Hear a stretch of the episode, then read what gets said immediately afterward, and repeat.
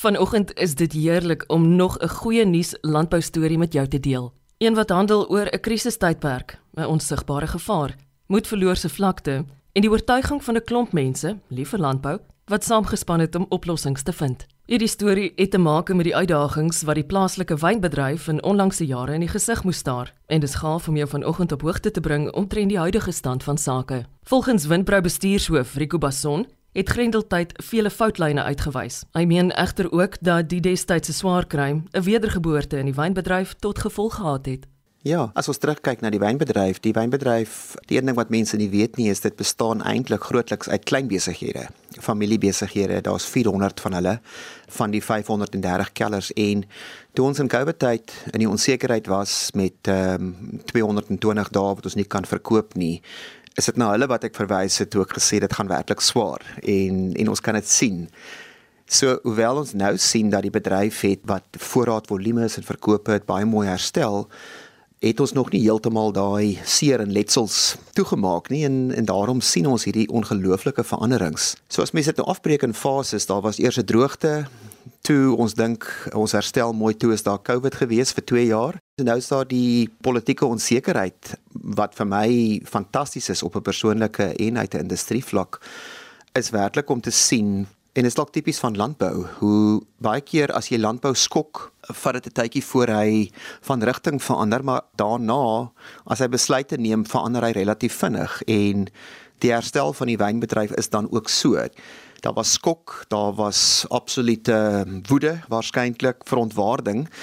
En daarna het ons bemarkers en ons produsente saamgewerk en ons het die geweldige surplus voorrade uitgevoer. Ons het dit uitgevoer as asyn baie keer het nie wyn geraak nie. Ons het cider daarvan gemaak en vernuwend gedink en weer eens ek sê as dit nie was vir die krisis nie, sou ons moontlik nie daai vernuwing innovasie gesien het nie. So dis lekker om te sê nou is die wynbedryf weer by 'n plek waar dit meer normaal is in die sin van die balans tussen verkope en uh, en aanbod, die voorraad. En is eintlik as mens so daarna kyk, is die herstel in my opinie 2 jaar vinniger. Ek het gedink 2025 is die datum, dis heelwat vinniger en dis ook opwindend na mate die geleenthede wat nou ontsluit kan word. En nou kan jy jou ore spits vir 'n interessante feit omtrent ons wynbedryf. Wel Louise, eerstens dink almal dat elke wynprodusent het 'n kelder wat natuurlik nou nie waar is nie. Daar's so ongeveer 3000 wynprodusente wat dan nou strek meeste is in die Wes-Kaap, maar hulle is in die Noord-Kaap natuurlik, deesdae al meer Oos, Oos-Kaap, Natal. Daar's amptelik 529 wynkelders So baie van die produsente lewer nog by die ou koöperatiewe kelders. En dan is daar omtrent 700 uitvoerders weer van wyn. So dit is 'n baie baie lang ketting. En ons sien konsolidasie nie sodanig op die kellervlak nie. Inteendeel ons sien baie buitelandse belegging wat inkom op daai vlak. Maar ons sien die werklike groepering wat dalk handdoek ingooi of verander aan die produsente kant en die vraag is altyd is dit goed of sleg? Ek dink dit is 'n normale tendens binne in die groter landbou en dit is 'n normale tendens binne in die groter wêreld van wyn dat daar is plek vir nisbesighede maar vir die grootste deel met kostes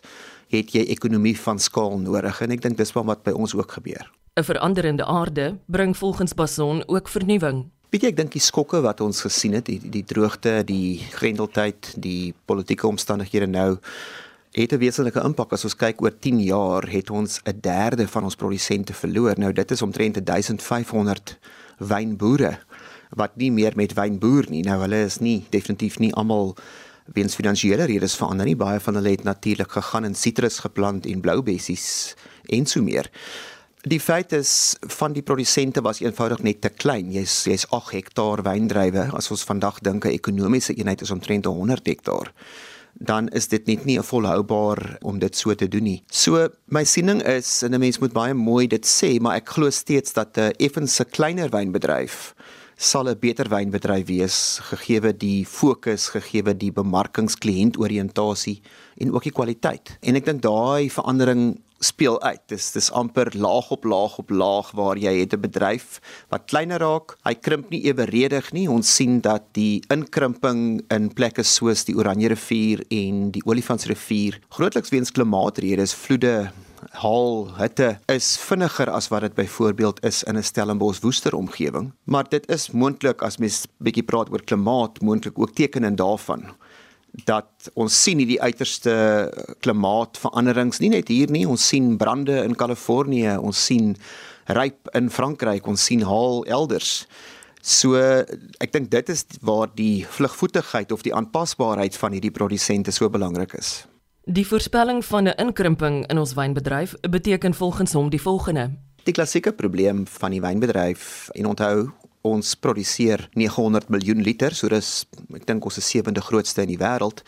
Is ons verkoop die helfte van daai produk in ons agterplaas, ons plaaslike mark en die ander helfte voer ons uit. In beide daai markte is daar werk wat ons moet doen. Ek dink in die plaaslike mark verkoop ons baie baie produk in in boksformaat.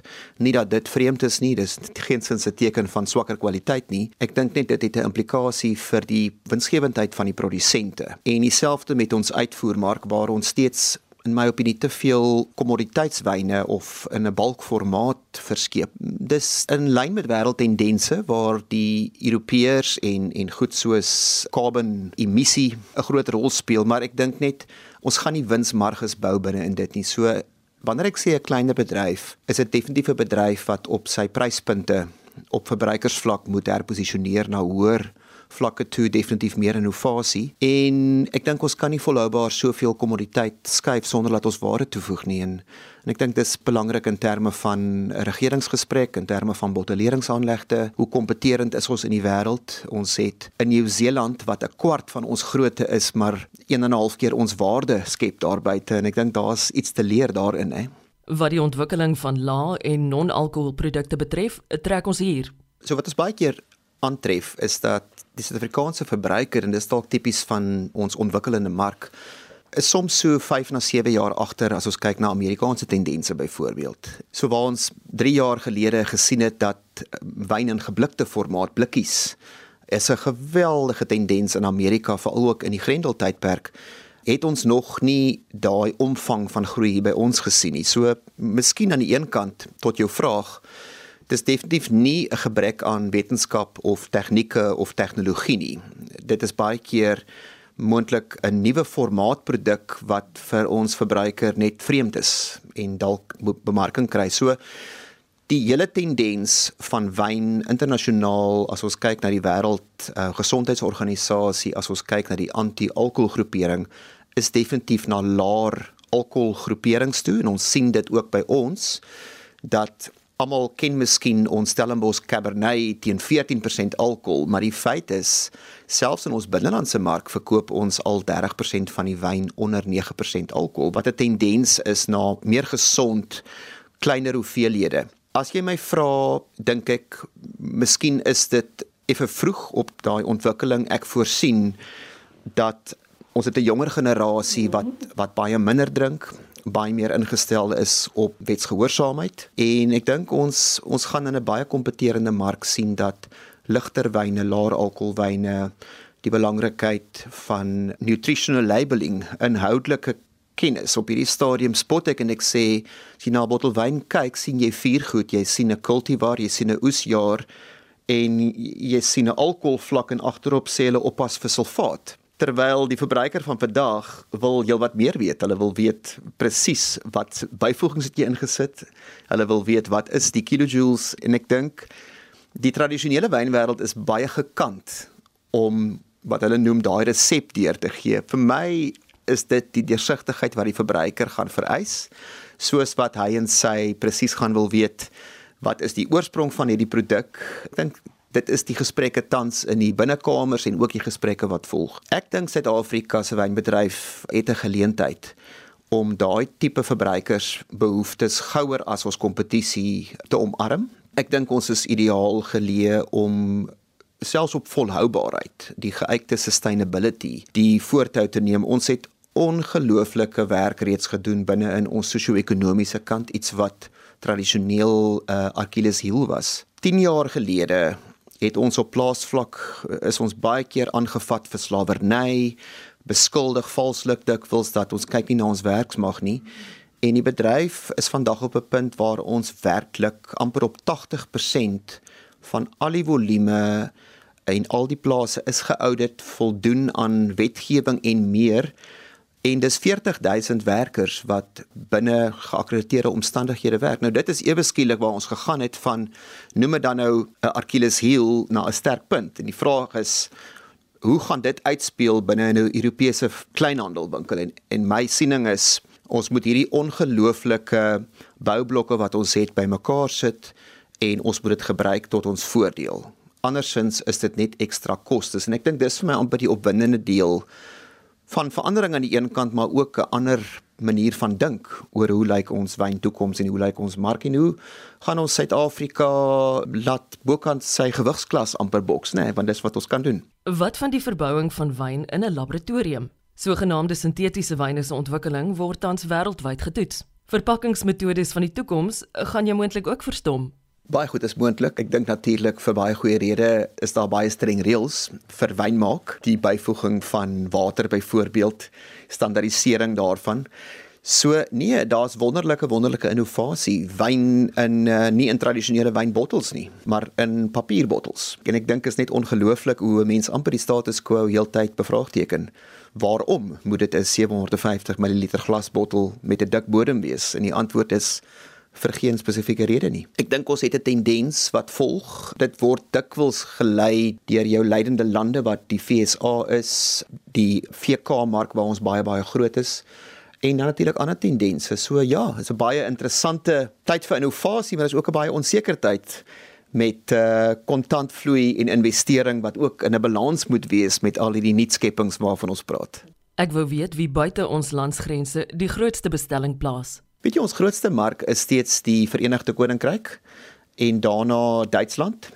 Uh, daarna sou Kanada volg, die VSA, so groot deel China is daar, hoewel China se verbruik in die korttermyn afneem en dan vir my die opwindende deel is die Afrika lande. Reg of verkeerd, ons praat dikwels van Afrika as ons agterplaas is miskien verkeerd om dit so uit te druk maar ek dink vir Suid-Afrika en ook gegee ons beperking met ons hawens is om wyn per pad te vervoer dalk 'n opsie. En ek dink sodra ons die Afrika handelsooreenkoms in plek kan sit en hy is redelik ver in die pad af in in terme daarvan lê daar 'n enorme geleentheid vir ons om in lande soos Kenia, Tansanië, Nigerië is 'n enorme geleentheid heelwat meer wyn te verkoop teen hoër waarde en ek dink ons kleinhandelgroeperings is reeds daar geïnvesteer. Ons moet net seker maak dat daai markte nie Portugese wyn vat of Spaanse wyn versus Suid-Afrikaanse wyn nie, maar ek dink dis die lekkerte as mens kyk na ons uitvoerlande oor hoe Afrika 5, 6 jaar terug glad nie op die top 10 was nie en nou sy geregmatigde plek hier in posisie nommer 7 of 8 inneem. En dis lekker om te sien. Wat ons behoefte aan buitelandse versnitte betref, staan sake so. Ons voer baie min wyn in. Ons is 'n unieke land as ons dink aan Australië en Nieu-Seeland dan voer hulle baie internasionale wyn in.